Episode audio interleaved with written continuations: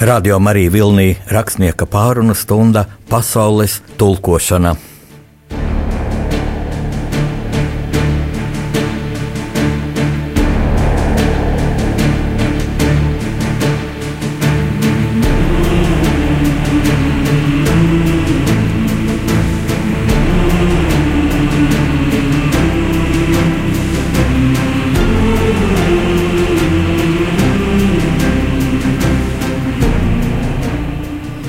Lai slavēts Jēzus Kristus, draugi, kopā ar jums atkal rakstnieks Jānis Udris. Esmu jau vairāk vēsturisku romānu autors, un šajā brīdī, sēžot te mājīgajā radio Marija studijā, pie mikrofona, es domāju, skatu jūs tūkstošiem mūsu radiostacijas klausītājus dažādos tuvos tālos Latvijas novados. Un es zinu, e, ka mūsu steidzamajā laikā jau nav tā, ka cilvēks apsēž pie rādio un tagad klausīsies, un tikai to darīs. Un arī radio pašos pirmsākumos, ka tas bija brīnums, man ir zināmas tādas liecības, ka tomēr namamātes paņēma adīklu un tad adīja vai kaut ko tādu darīja. Bet tagad, protams, cilvēki dara kaut ko citu, un es arī paralēli. Un ir jābūt labam raidījumam, interesantam, lai jūs um, arī klausītos, darot savus ikdienas darbus. Manuprāt, tā acis iztēlē nāk, piemēram, lauku veikals, kurā skan mūsu radio raidījums. Vai es iztēlēju, redzu šoferi, kas vai nu ar savu mašīnu, vai pie autobusa stūres brauc, lai jums laba klausīšanās, klausīties radio. Drīkst braucot, tikai nerunājot pa mobilo telefonu. Tas ir tāds nelabs niķis un būtībā arī e, grēka darbs, jo notiek daudz avārijas. Tātad, lai jums laba klausīšanās, un es e, jau ceturto reizi runājot radio Marija Viļņos, jūtos kā savējais mani iedrošina arī labās atsauksmes, ko man ir teikuši tieši tā, acis pret acis tiekoties, nu, mani paziņas, kur zina, ka es tagad piedalos šajos raidījumos. Mm, un uh, es tādēļ atzīšos jums, kas esmu soziņa dilemmas priekšā, uh, kad es um, atnācu pirmo reizi Radio Marija programmu. Man bija eh, tāda vēlme runāt par saviem vēsturiskajiem romāniem, mm, vai precīzāk par to, eh, ko es esmu atklājis rakstot romānus par Zifrīdu Dānu Mērovicu, par Kārli Ulmani, jo tie ir uh, svarīgi Latvijas vēstures posmi, traģiski Latvijas vēstures posmi. Mm, tie ir tie e, mūsu vēstures jautājumi, kurus cilvēki diemžēl zina ļoti slikti. Un es domāju, tā ir liela mūsu problēma, jo, ja tu nezini savu pagātni, sākot jau ar savas ģimenes, pagātni ar saviem senčiem, tad tev ir grūtāk uh, risināt šodienas problēmas un arī iet nākotnē. Un es uh, esmu joprojām mm, pilns ar tādu ciešu apņēmību to darīt, un arī šeit, kad es runāju radio Mariju programmas vadītāju, ar viņu vietnieku, ļoti simpātiskiem mm, jauniem cilvēkiem, kas ar visu ir nododas šim darbam. Tad eh, kopīga atziņa bija, ka nu, es jau cienījamā vecumā būdams, varētu visnoderīgāks būt ar savu teiksim, vēstures skatījumu ar, un ar apgaismojot tos jautājumus, kas ir mūsu sabiedrībā zināmi mazāk. Diemžēl arī mūsu mācību, skolu mācību programmās, tas ir mans subjektīvais viedoklis, daudz par maz vērības tiek veltīts Latvijas vēsturei. Bet uh, ir tā, ka mūsu ikdienas aizvien jaunas, jaunas, jaunas aktualitātes, un kā to apvienot? Lūk, atkal šodien nākot uz um, raidījumu, man vairāki mani paziņas teica, nu, tu neaizmirsti pateikt pa 16. martu. Nu, draugi, 16. marts būs pēc sešām dienām, jā, un es varu droši teikt, ka būs atkal viss tāpat, kā ir bijis jau gadu, gadu gados, kad jā, mūsu uh, bijušie leģionāri, veci vīri, kur tagad vairs ir pāris desmit mm, dzīvajos, un daudz vairāk. Uh, par viņiem gados jaunāki cilvēki, ies pie brīvības pieminiekļa nolikt ziedus, un es tūdaļ teikšu, kas viņiem to var liekt brīvā demokrātiskā valstī, lai viņi to dara. Bet No otras puses, atkal stāvēs cilvēki, kas ir citos ieskatos, e, pārsvarā citautieši, bļaus, nu, teikšu savu viedokli, bļaus muļķības par fašismu atzimšanu un kaut ko tam līdzīgu. Lai gan, lai gan šiem veciem vīriem un viņu dalība Otrajā pasaules karā nebija nekā, nekā kopīga ar fašismu, izņemot to, ka viņi bija piespiesti ar varu karot eh, fašistiskas Vācijas armijā, jo eh, daudz to varbūt nezina. Brīvprātīgo latviešu leģionā nebija daudz, nu, labākajā gadījumā 10%, mm, un tie bija cilvēki arī, kas mm, sirdī nes tādu ideālistisku cerību, karam beidzoties atkal atjaunot neatkarīgu Latvijas valsti, un, ja arī Tas varbūt bija prātā tikai daļai tādu idealistiskāku, noskaņot optimistiskāko latviešu leģiona rindās. Tāda noteikti jau lielākajai daļai bija izmisīga vēlme pasargāt Latviju no jaunām padomju okupācijas šausmām, jo latvieši skaidri atcerējās baigā gada uh, teroru pret latviešu tautu. Eh, es tālāk par to nerunāšu, jo šie mm, mūsu traģiskie vēstures brīži ir aplūkot manā jaunajā romānā. Leitnants Rubenis, bruņinieks Roberts, kurš nāks klajā, es ceru, šogad maijā, un tad es jūs visus laipni aicināšu uz šīs grāmatas prezentāciju. Bet mm, par mans viedoklis par 16. maija, mm, atvainojiet, 16. marta šo nu, tādu rituālu jau iet nolikt ziedus pie brīvības pieminekļa. Pēc tam doties uz leģionāru brāļu kapiem Lestenē. E, lai laika taupītu, es teikšu, ka es savu viedokli jau pērn izklāstīju internetā, Un tas ieraksts eh, ir arī plaši pieejams. Ja jūs Google paskatāties e-padomi, un tur ir rakstnieks Jānis, Viedo, Jānis Udris, un tālāk mans viedoklis citēts: pieminēt leģionārus ir pienākums un liela atbildība. Tad, lūk, tur es galvenokārt eh, akcentēju šo atbildības momentu. Eh, pienākums tādā ziņā, ka mums ir pienākums atcerēties vēsturi, un mums ir jāzina, ka latvieši karoja divās armijās, divās.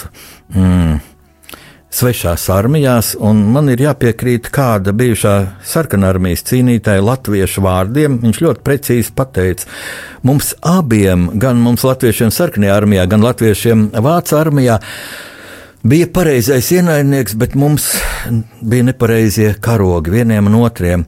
Un tie ir zelta vārdi, un mans jaunais romāns, kuras tikko pieminēju, ir par vienīgo latviešu militāro vienību, leitnanta Rubeņa bataljonu, kurš Otrajā pasaules karā cīnījās zem sarkanbalta sarkanā karoga. Lūk, tāda unikāla vēstures lapus, kas Latvijā tikpat kā nav zināma. Mm, tātad pienākumu zināt šo vēsturi. Vajag vēl atcerēties, ja kāds grib mest ar akmeni tiem latviešiem, kas cīnījās sarkanajā armijā. Tāpat kā bezgalīgi daudz akmeņu padomju okupācijas laikā tika mest uz, uz, cilvē, uz latviešiem, kur bija spiest cīnīties Vācu armijā. Tad Es gribu atgādināt, vai arī pateikt tiem, kas nezina, ka pirmskara Latvijā Kārļa Ulmaņa autoritārās valdīšanas gados kad bija daudz laba, ļoti daudz laba, kas diemžēl tika pazaudēts vienā traģiskā 40. gada vasarā, bez kaujas, bez cīņām ielaižot padomju okupācijas karaspēku Latvijā. Tad, lūk, Latvijas skolās tajā laikā bija ārkārtīgi spēcīga antivāciska propaganda, ka Latvie, latviešu tautas mūžsanais ienaidnieks ir vācietis. Ne Krievs, ne Padomju Savienība, tieši vācietis. Tā kā kuram celsies roka mest akmeni ar vārdiem, protams, pret eh, latviešiem, kas cīnījās sarkanajā armijā. Ziniet, ko tas nebūtu godīgi. Ar to es arī mm, gribu vienkārši atstāt jūs tādās pārdomās, un vienīgi, ko es domāju ar atbildību, nu, to es pateicu jau šajā interneta ierakstā. Vecie ļaudis, kam sliktāk padodas um, šīs um, jaunās tehnoloģijas, kas nemāka da, datorā to atrast, man vienkārši padoms paprasiet saviem mazbērniņiem viņi ļoti ātri parādīs, jo tā jau ir interneta paudze, un vai tas ir labi vai slikti, bet katrā ziņā viņi rīkojas daudz, daudz labāk ar, ar datoriem kā, kā mūsu vecā paudze, es arī savām mazmeitiņām bieži paprasu, viņi saka, veiciet, nu kā tu nesaproti, tas ir tik vienkārši. Bet ar atbildību es sapratu to, ka jārēķinās cilvēkiem, kas iet šajā gājienā pie brīvības pieminiekļa, kad viņi atkal tiks filmēti un tiks apmelots viņu gājiena mērķis. Un tad es kā pieredzēju žurnālists varu teikt, un es iesaku šajā savā interneta intervijā, ļoti plaši izmantot arī tādu vizuālo informāciju, lai nest plakātus, kuros ir nosodīti divi divi fašistiski režīmi, staļiniskais un hitleriskais. Un, uh, lai šie plakāti būtu pietiekami daudz, tā ka nevar pat visneģēlīgākais um, kino vai video operators uzfilmēt tā, ka, nu, um, ka nu, būtu pamats pēc tam teikt, lūk, kur iet Hitlera aizstāvī. Ja? Um, nu, tāda atbildība. Un arī uh, es domāju, gadu no gada es domāju, ka organizētājiem, šo pasākumu organizētājiem vajadzētu tādu informācijas centru, informācijas lapiņas, latviski, krieviski, angliski, vāciski, um, ko izsniegt ārzemju žurnālistiem, ārzemju turistiem, kas interesējas. Te varētu brīvprātīgi iesaistīties studenti, kas tādas lapiņas izdalītu, kur stāstīt par mūsu tautas vēsturi. Tā kā lūk, tā ir atbildība. Viens ir iet, jo es tur gribu iet. Nu, es personīgi neeju šajā gājienā, un neeju tādēļ, ka tas skaitē Latvijai, Latvijas tēlam. Diemžēl, diemžēl. Bet es braucu uz Lesteni pieminēt, pieminēt mūsu kritušos tautas brāļus. Tur notiek arī arī dievkalpojums, tā kā es būšu ļoti priecīgs jūs redzēt arī šogad Lestenes baznīcā, kas pēc šīm, šīm 44. Mm, gada briesmīgām kaujām bija nu, ārkārtīgi sagrauta, bet kas tagad ir atjaunota, bet tomēr ir redzams, cik briesmīgs ir bijis šis karš. Nu, tā bija tā, tāds smags ievads, bet ko darīt? Smaga ir mūsu tautas dzīve, bija smaga mūsu vēsture, šodien, es domāju, to smagumu ir jāatstāj pagātnē, bet ir, ir, ir, ir jādomā, ir jādomā ļoti atbildīgi par to, kā mēs izturamies pret savu vēsturi. Jo šeit, nu, šeit nu, mūsu attieksme ne tuvu nav tāda, kā mūsu tauta ir pelnījusi skaistajā zemē. Ja Latvija patiešām brīnišķīga zeme, kur cilvēkiem vajadzētu dzīvot, mūžam būt laimīgiem. Īpaši tagad, kad mums atkal ir savu valsts. Citādi mēs, nu, es domāju, ka, ka mēs darām dievam netīkam darbu. Ja, ja zūdamies, ja šķendējamies un nepaskatāmies paši, paši, uz sevi, kādi tad nu, mēs esam. Nu, es domāju, ka īstais brīdis ir kādai dziesmai, lai jūs varētu atpūsties no, no, no, no manas runāšanas, ja es runāju par to, kas man pašam sāp.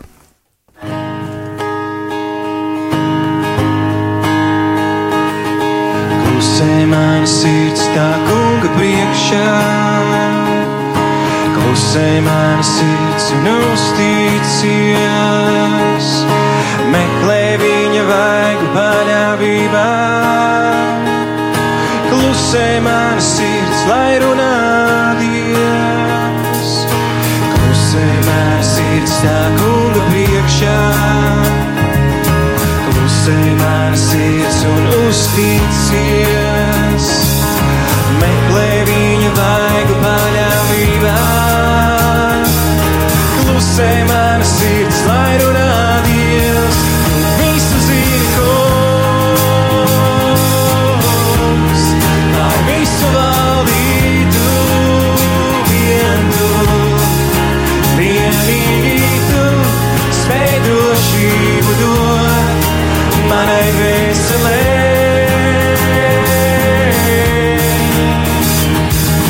Ticim, man sirds tā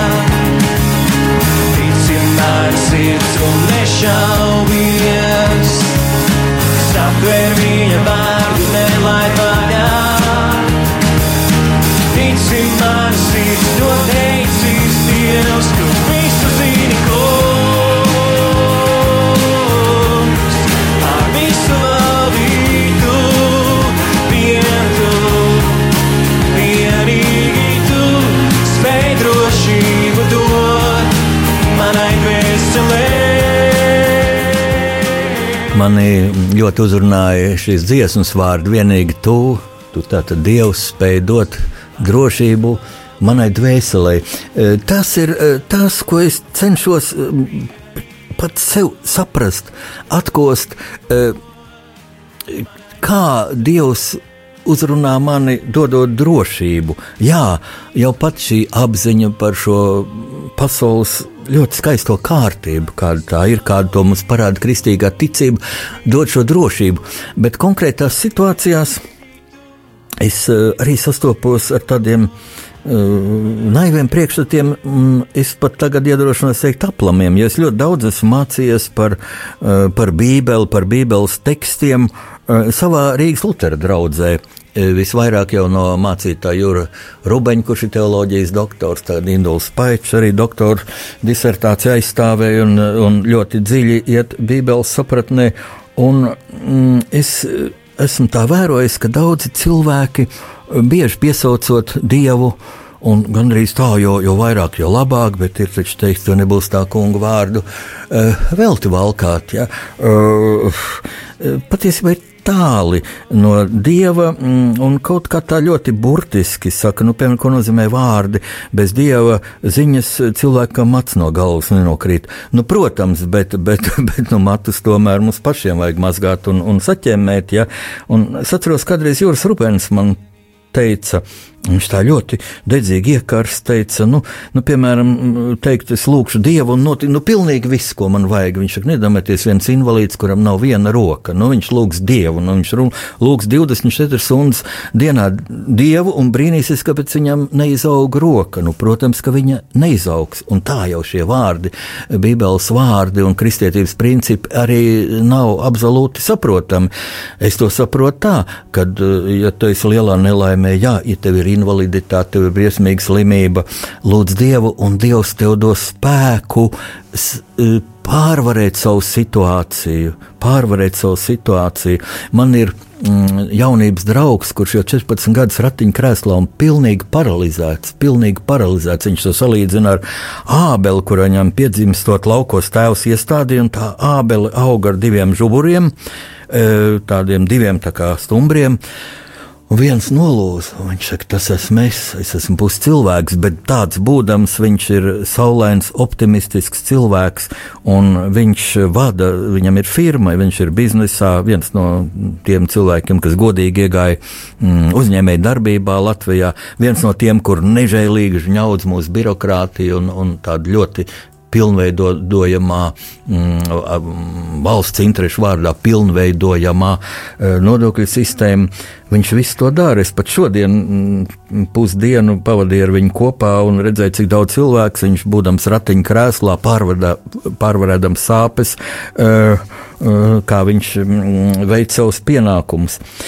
Un man liekas ļoti svarīgi, ka tagad arī zinātniskā līmenī Latvijā pievēršas kristietības jautājumiem, kas arī parāda labi mūsu attieksmi, cik tā ir nopietna.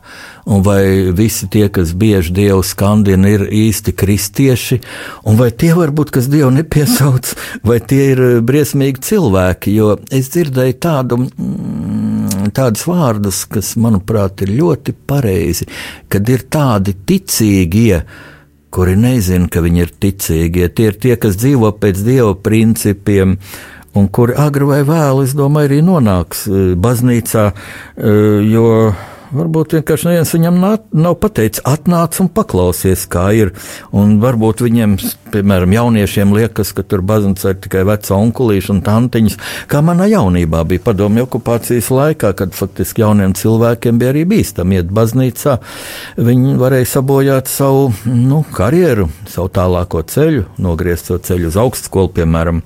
Nu, un ir ir tādi neticīgie, kur nezinu, ka viņi tādi ir. Nu, tie, es gribētu teikt, nu, ko nozīmē, ja cilvēks iet baznīcā, mm, mm, lūdz Dievu, sūdz grēkus, bet pēc tam atkal grēko un nedzīvo pēc šiem Dieva principiem. Kas būtībā ir ļoti vienkārši. Es domāju, ja es godīgs nedaru otram to, ko tu pats negribi sev. Nu, lūk, bet tā tad zinātniskā līmenī. Mm, Mm, kristietības jautājumi tika aplūkot ļoti interesantā Universitātes humanitāro zinātņu fakultātes konferencē. Tas bija pagājušā gada nogalē, decembrī. E, tur bija tātad par, par kristietības principiem, literatūrā, mūzikā, mākslā. Un es arī tur piedalījos ar referātu kristietības principu kā vēsturiska romāna dominante. Jo, kad man piedāvāja šo dalību konferencē, es sākumā domāju, pagaidi, nu, viens ir mani romāni. Uh, un teiksim, tāds zinātnisks ieskats uh, kristietības jautājumos, pavisam kas cits. Bet, kad es paskatījos uz saviem romāniem, domās tā pārdomāju, es biju pārsteigts par to, ka faktiski šie mani romāni Un arī man ir vairākas dokumentālās prozas grāmatas, mm, kas nebūtu pie daļu literatūras pieskaitāmas, ka visas manas grāmatas ir sākot jau ar ieceri eh, un ar realizāciju, proti ar mm, iedziļināšanos man vēsturisko romānu varoņu likteņos, tur Mērovits, tur Kārls Ulmans, tad man ir grāmata pusauģiem Melders un Matīs ceļojums vēsturē, jeb Latvijas dzīvā vēsture tīņiem, kur es pats ar saviem mazdēliem izceļoju visu Latvijas vēsturi. Visas šīs grāmatas ir, ir nākušas ar tādu dieva svētību, gan uh, dodot man sajūtu, ka man tas ir jāuzraksta. Sākumā bija pavisam vienkārši. Es domāju, kā tas tā var būt, ka par Kārlu Ulmanu, kur es sauktu par mūsu mm, mm tautas visproblemātiskāko mm, prezidenti un vispār politiķi, jo neviens politiķis nav tik polāri vērtēts kā Kārls Ulmans. Joprojām ļoti daudz cilvēku, kas Ulmanu dievina. Labi jau ulmaņa laiki, un ļoti daudz cilvēku, kas viņu noliek pēdējais fašists briesmonis. Un tad, kad es uzrakstīju savu romānu, mm, Ulmans Lielā Kārļa testaments, kurā centos izanalizēt eh, un objektīvi izvērtēt Ulmaņa Ulmaņa eh, vietu Latvijas vēsturē, sākot ar ļoti mm, cildenu, ļoti slavējamu, mm, mm, ļoti slavējamu lomu Latvijas valsts izveidošanā. Viņš bija, kā tagad mūsu politiķi pirms vēlēšanām saka, viņš bija tā lokomotīva, tas, tas nu, viens no tiem galvenajiem celmlaužiem. Viņš Meirovits, bet Ulmans laikam pats pirmais, jo Meirovits jau tomēr bija jaunāks, stipri. Nu, vēl Jānis Čakste noteikti. Uh, nu, kā tas var būt, ka cilvēks, kas visu savu dzīvi ziedoja Latvijai, Lat neatkarīga Latvijas valstī, Latvijas uzplaukumam, tad, kad šī valsts jāizsargā, nedod pavēli Latviju sargāt. Vai tas tā nejauši viņam nāca? Nē, Tas bija viņa ļoti traģiska izšķiršanās un ļoti traģiska kļūda. Jo es to izanalizējot, pētot avotus, psiholoģiski analizējot ulmaņa, mm, ulmaņa būtību, psiholoģisko būtību, uh, es sapratu vienu, ka Kārls Ulmans cerēja tādējādi pasargāt latviešu tautu no represijām, no iznīcināšanas, no deportācijām, uh, un tā bija traģiska kļūda. Uh, Un otra kļūda bija tā, būtībā pirmā kļūda vienam mm, sagrābt varu 15. Mm, maijā pērsumā, jo būtībā tad jau arī faktiski tika radīta priekšnoteikuma Latvijas okupācijai. Ir tādas liecības, ka Padomju Savienībā um, pats Staļins ļoti priecājās par šo mm, ulmaņa apvērsumu Latvijā, jo, jo nospiest ceļos vienu cilvēku kurš lemj par visu valsts likteni, visu tautas likteni, daudz vieglāk nekā, ja ir parlaments, kā bija Somijā, kurš nolēma nē, nepadoties, un Somija karoja. Tas jau ir cits temats, pie kura es arī gribētu nonākt vienā no mūsu pārunām, jo tas ir svarīgi. Es tikai gribu jums, jums nu, kā es ceru, maniem draugiem, nu, padalīties tādā savā faktiski bēdīgā arī pieredzē, ka mūsu sabiedrība ir ļoti Eh, ļoti faktiski tā kategoriski domājoša, balts, melns kategorijās. Un, ja tu nerunā tieši tā, kā es domāju, tad tu esi jau slikts cilvēks, mans ienaidnieks. Un tā, nu, rakstot objektīvi par Kārlu Ulmanu, atzīmējot gan labo, gan viņa, kā es uzskatu, traģisko kļūdu, Un kopumā, mm, godinot viņa piemiņu, jo viņš ir staļinismu upuris, manā romānā pēc manas pārliecības viņš tika nošauts NKVD cietumā. Tā ir mana rakstnieka pārliecība. Skaidra liecība nav.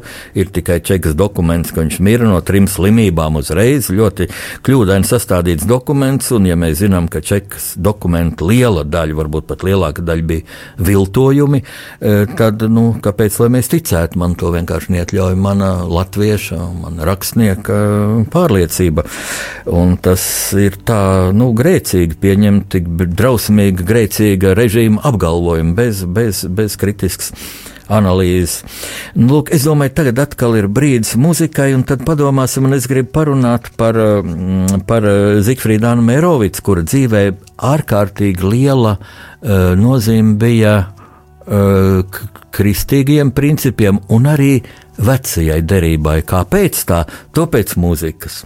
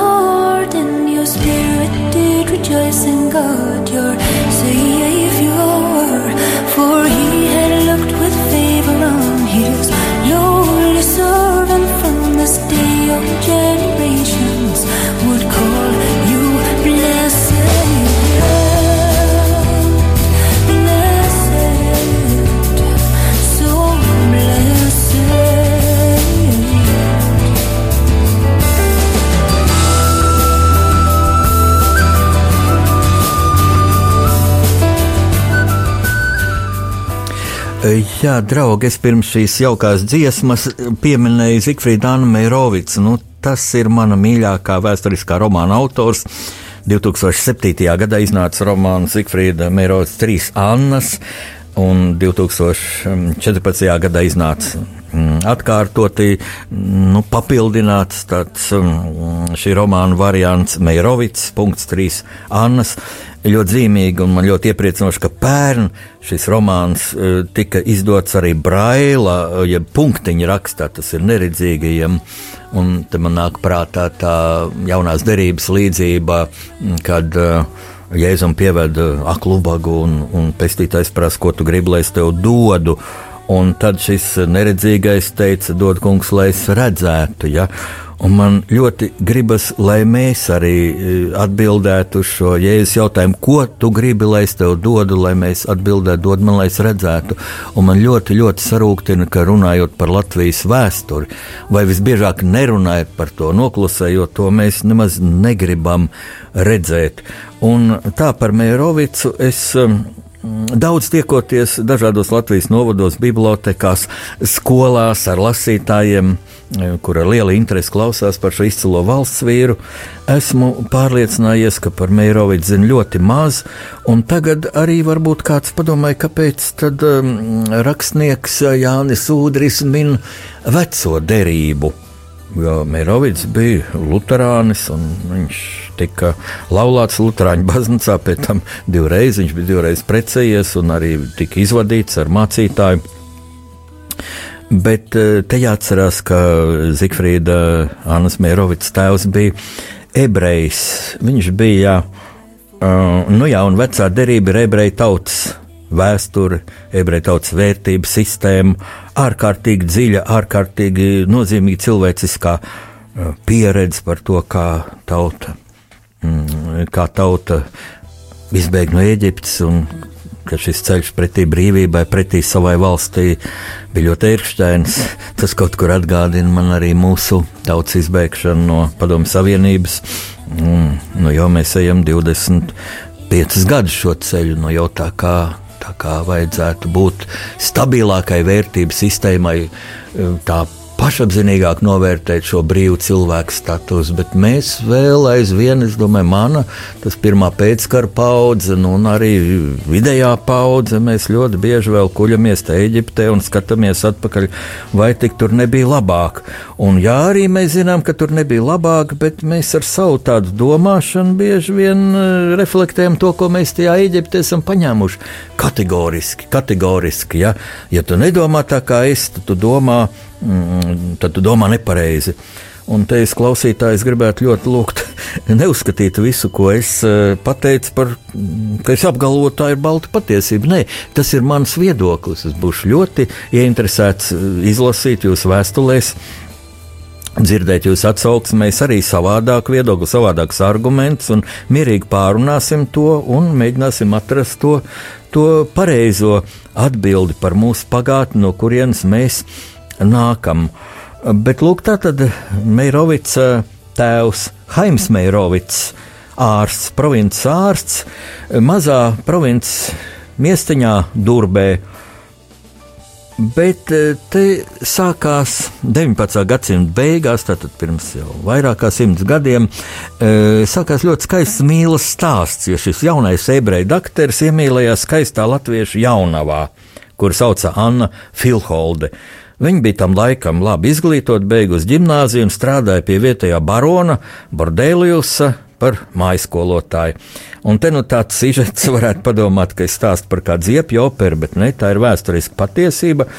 Ka, lūk, izveidojās tāds klasiskais mīlestības trīsstūris, jo šis jaunais barons iemīlējās Annā, Un pretēji tam, ka nu, centās tur, tur pavedināt neceļos kādu mājasaimnieci vai mājkalpotāju vai mājskolotāju, nē, barons bildināja šo latviešu, latviešu vienkārši ļaužu jaunavu.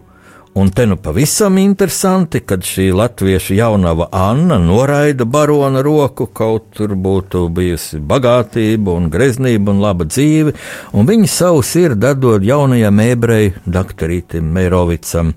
Bet, ziniet, ja vienā ziepja operā būtu tāds happy end un viss ir laimīgi, izņemot laikam gan atraidīto baronu, bet nē, nekā nebija, jo Te nu, nāca haima mātes, tādas īstas ebreju dzimtas senmātes, veto.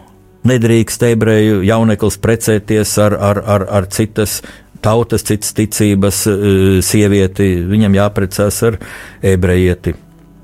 Meita varētu citu, ja, jo, jo ar citas ticības cilvēku un ievestu viņu mm, šajā judaismu ticībā Jo sieviete tā tad stiprāka, jā, tā, tā to var izsecināt. Bet dēls māte nepaklausa un kristā, kristījās Luterticībā par Hermani. Par Hermani. Nu, tā formāli ņemot, tā tad viņš ko darīja pārkāpt ceturto bausli. Ja? Ceturtais bauslis mums saka, tev būs savu tēvu un māti godāt, lai tev labi klājas un ilgi dzīvo savā zemē. Nu, bet ko mīlestība diktēja savu? Un šis Haims, tagad kristies par Hermani, mm, apprecās ar Annu Filholdi, un māte dēlu nolāda. Briesmīgi, bet atkal fakts. Anna, Anna Meirovica, jaunā sieva, centās šiem vecās derības kanoniem pretī likt vienu no jaunās derības stūrakmeņiem, un tas ir mīlestība ticība, cerība, mīlestība, bet tas galvenais vārds ir mīlestība. Un paklausieties, kā viņa rakstīja Meirovica kundze. Ar visu savu sirdi es mīlu jūsu dēlu. Man nav lielākas laimes pasaulē, kā piederēt viņam pavisam. Dodiet arī man vietiņu savā sirdī. Saprotiet, ka mīlestības vara apgāž visus samākslotus kavēkļus, kurus te ceļ baznīca un ticība. Tā raksta Anna, bet šī ebreja matrona klusē. Un tad nu pār jauno ģimeni nogrāva, nogruva veselu virkne ļoti smagu liktenes sitienu. Anna dažas dienas pēc dēla dzemdēšanas nomira, un mazais puisēns, vēlākais Latvijas diplomātijas radītājs, tika kristīts pie mātes Zārka, tāpēc arī Zikfrīds Anna par godu mātes piemiņai.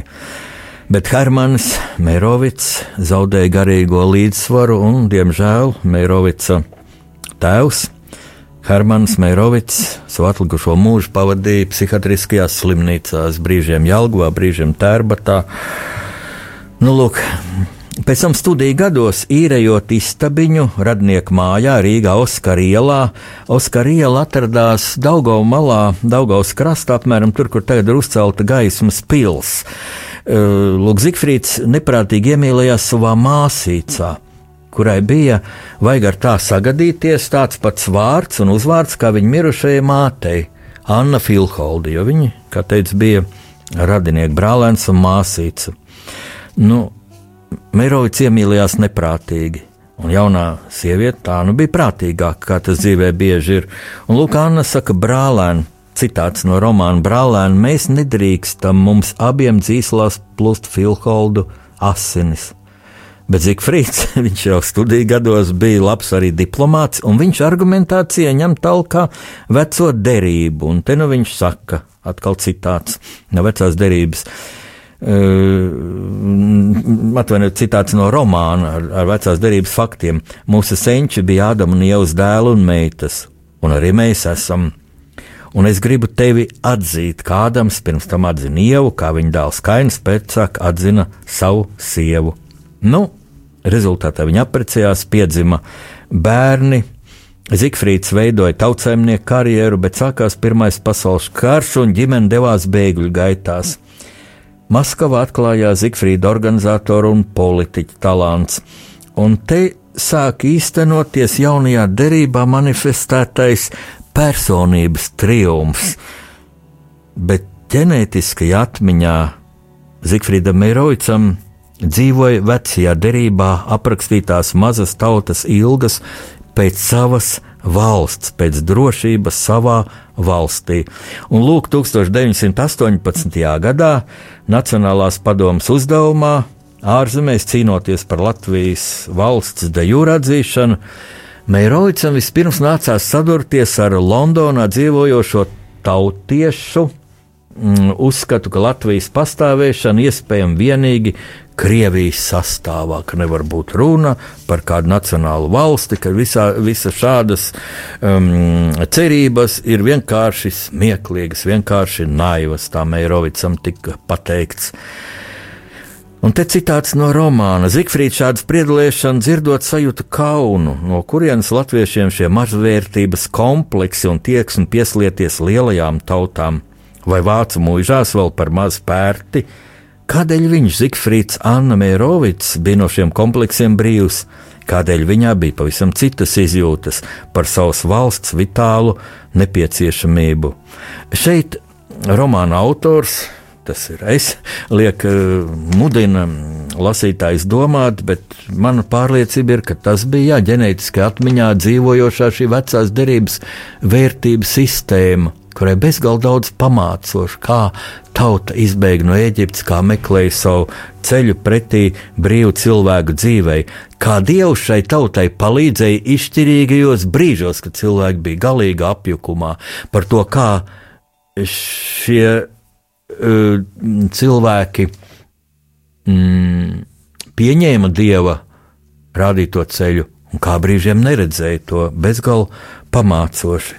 Es domāju, tagad ir brīdis kādai, kādai muzikālai telpai.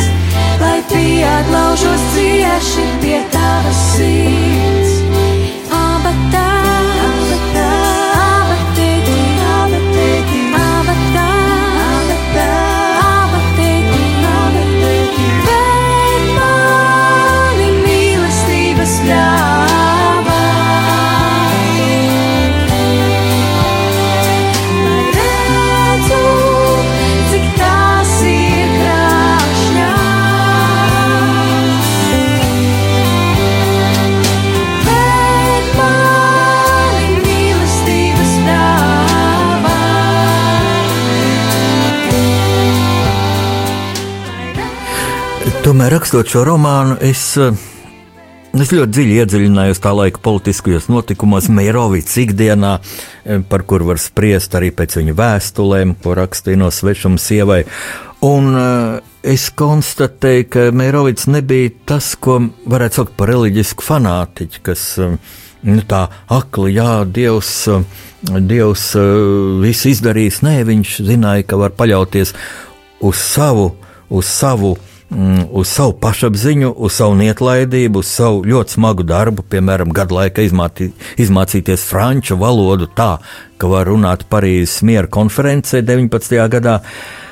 Un pā, bet pāri tam bija Dieva šis dotais uzdevums, ko Dievs gribēja mm, pie viņa pieredzēt, lai viņš palīdz šo uh, jauno, ārkārtīgi apdraudēto, ārkārtīgi vājo militāru, politiski Latvijas valsti, lūk, 1918. un 19. gadā izvest pasaulē, pasaules valstu saimē. Un tā Meirovits tepat uh, netālu Torņkalna baznīcā, mm, ja viņš nāca uz šo baznīcu, un laulājās Pētera baznīcā, Daugavas otrā krastā.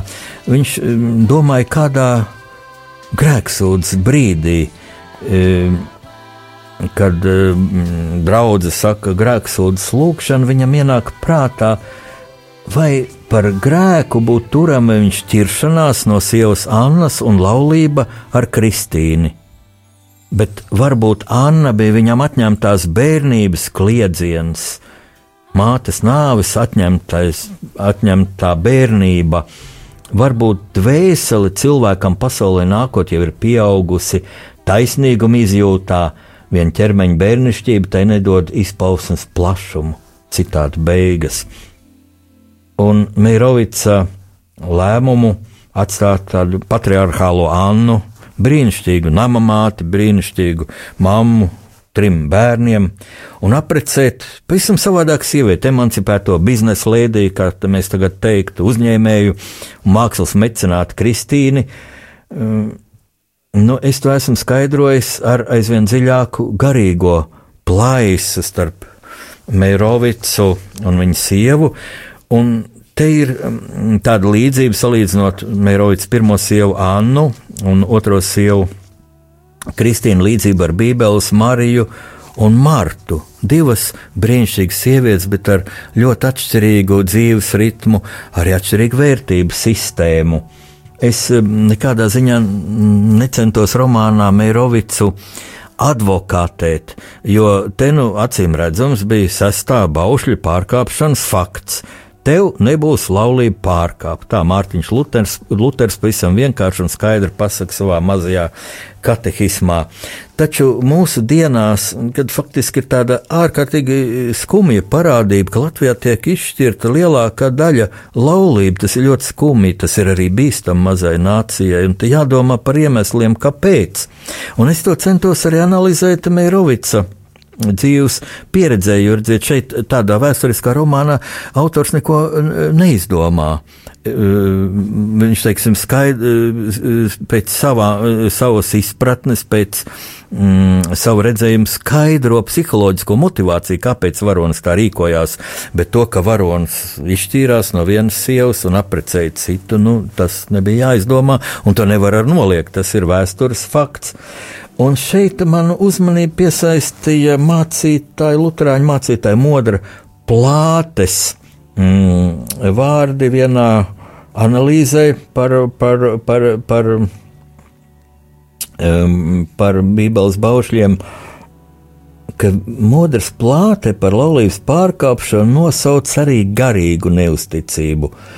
Un viņš skaidro, tas ir tad, kad laulātie nav viens otram palīgs. Un lūk, šī tēze uz Meirovics laulības šķiršanu liek paskatīties jaunā rakursā, jo Anna uh, bija ļoti labs palīgs savam vīram grūtajos laikos. Iedomājieties, atstāt Latviju ar bērniem, tobrīd Meirodas ģimenē bija divi mazi bērni, doties uz Maskavu bēgļu gaitās. Pēc tam 18 gadu vasarā Meirovics nelegāli no, no Pēterburgas aizbrauc ar kuģi caur Zviedriju, pēc tam uz Angliju. Gadu ir prom, mainās vairākas politiskās varas. Anna ar diviem bērniem at- atbrauc viena uz Latviju, dzīvo laukos, un viņa visas šīs grūtības panes. Var tikai apbrīnot šīs sievietes spēku.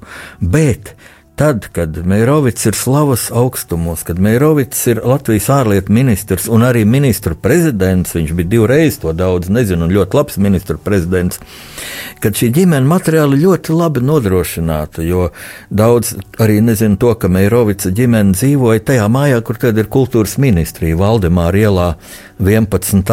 Kāpēc 11. nevis 13. Tas arī stāsts par sevi citai reizei.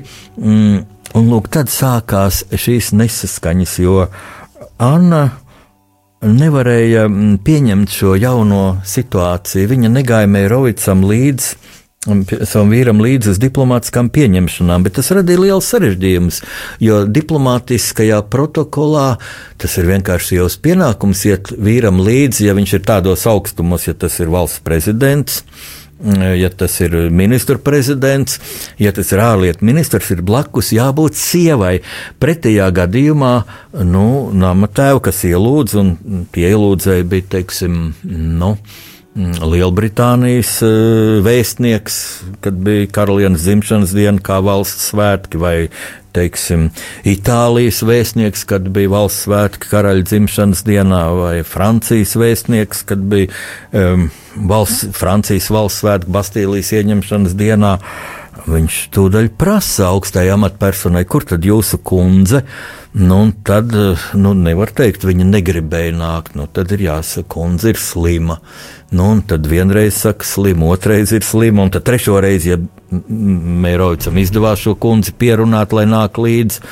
Tad atkal tas var apvainoties. Paga, paga, pie manis nenāca, pie šīs valsts nāk, un vēstnieki raksta savām ārlietu ministrijām atskaites, kas tur notiek, vai ne, kad e, premjera un ārlietu ministra kundze lūk uz Francijas vēstniecību bija, bija aizgājis, bet pie mums uz Itālijas vēstniecību nebija, tas nav vienkārši, es būdams mūsu valdības laikraksta Latvijas vēstures ārlietu redaktors, un būdams ļoti dziļi šajā diplomātiskajā virtuvē, iekšā to saprot. Tas nebija joks, un Meirovits savai sievai to daudzreiz noteikti skaidroja, bet tā arī tādu konsensu, vienprātību viņi nepanāca. Nu, un Meirovits arī bieži mocījās pretrunīgās pārdomās par ticības jautājumiem, jo ticības ceļš jau Es domāju, reti kuram cilvēkam ir tāds ļoti viennozīmīgs un skaidrs, dod Dievs uzreiz. Laimīgi ir tie, kas ir atraduši labu garīgo vadītāju, labu priesteri, labu mācītāju, labus vecākus ģimenē, ja runa ir par bērnu.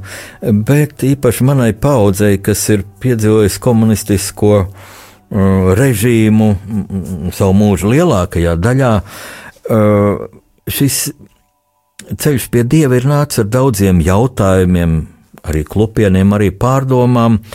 Un es secināju, ka arī Meirovicam, atceroties visas Pirmā pasaules kara šausmas, Uh, toreiz jau nezināju, ka tas ir pirmais pasaules karš. Domāju, tas ir pirmais un pēdējais. Nevarēju domāties, ka vēl kaut kas briesmīgāks var būt. Lūk, Mēroicam radās arī tādas, tādi, nu, teiksim, dvēseliskas krīzes brīži. Un šeit citāts no romāna Parīzes miera konferences laikā Mērovics kādu svētdienu iegriezās Dievmātas katedrālē. Netālu no altāra viņa uzrunāja smaidīgs priesteris. Redzu jūs, jaunais cilvēks, arī apbrīnojot šo neatkārt, neatkārtojumu celtni, garīdznieks sacīja patiešām. Tādu brīnumu cilvēks var radīt vien dieva vadīts. Un vai nav dieva brīnums, ka mūsu katedrāla neskarta saglabājās arī briesmīgajos kara gados? Bet kāpēc Dievs šo karu pieļāva? Meirovicam izlauzās. Ko Dievs darīja, kad miljoniem lielas armijas vienotru apkāva ar vismodernākajiem cilvēku radītiem ieročiem? Un ko Dievs darīja brīžos, kad cepelīna mestās bumbas nogalināja sievietes un bērnus? Pats par savu pārsteigumu Zikfrīds apklusa, bet priesteris nopūties viņam klusi atbildēja: Varbūt Dievs raudāja. Un romāna izskaņu es esmu balstījis Bībeles tēzē par dvēseles nemirstību, pārmetot laika tiltu uz Latvijas turpmāko likteni, ko Meirovics dvēseli jau skata no debesīm. Citēju. Dievs tavu zeme deg, dzied latviešu vecajā ģērtrūdas baznīcā, bet dievnam mūrus tricina garām braucošie vācu tanki, latvieši vienā un latviešu otrā pusē, tikai mundieri sveši un komandas svešās valodās, kur zemes krastu cits pēc cita atstāja kuģi uz vakariem, pa jūras līd laivas un daudz grims dzelmē, bēgļu laivas, veļu laivas, un tad jau atkal riteņiem klandot sarkanu vagonu dodas uz austrumiem, un pār Latviju uz ilgiem gadiem klājas bieza migla, ko vien gada tumšākajā laikā gaismo svecīšu liesmas. Mea kulpa, kliedza Mērovics sāp izmocītā dvēsele, man to vajadzēja novērst, nepagū. Bet viņam pretī runāja mūžība mātes Annas balsī: Tu paveici tik daudz! Un kāda daudz varenāka balss ar laikmetu vēju šalkām turpināja: Tik daudz, kad Latvija sūtīja reizi pie varenām lielu valstīm tev prasīt, lai atpakaļ dot tiesības atņemtās tai. Liktenis apskauda tevi, bet darbu tu dižen veici. Laimīgais mūžam pateiksies tēvija tev.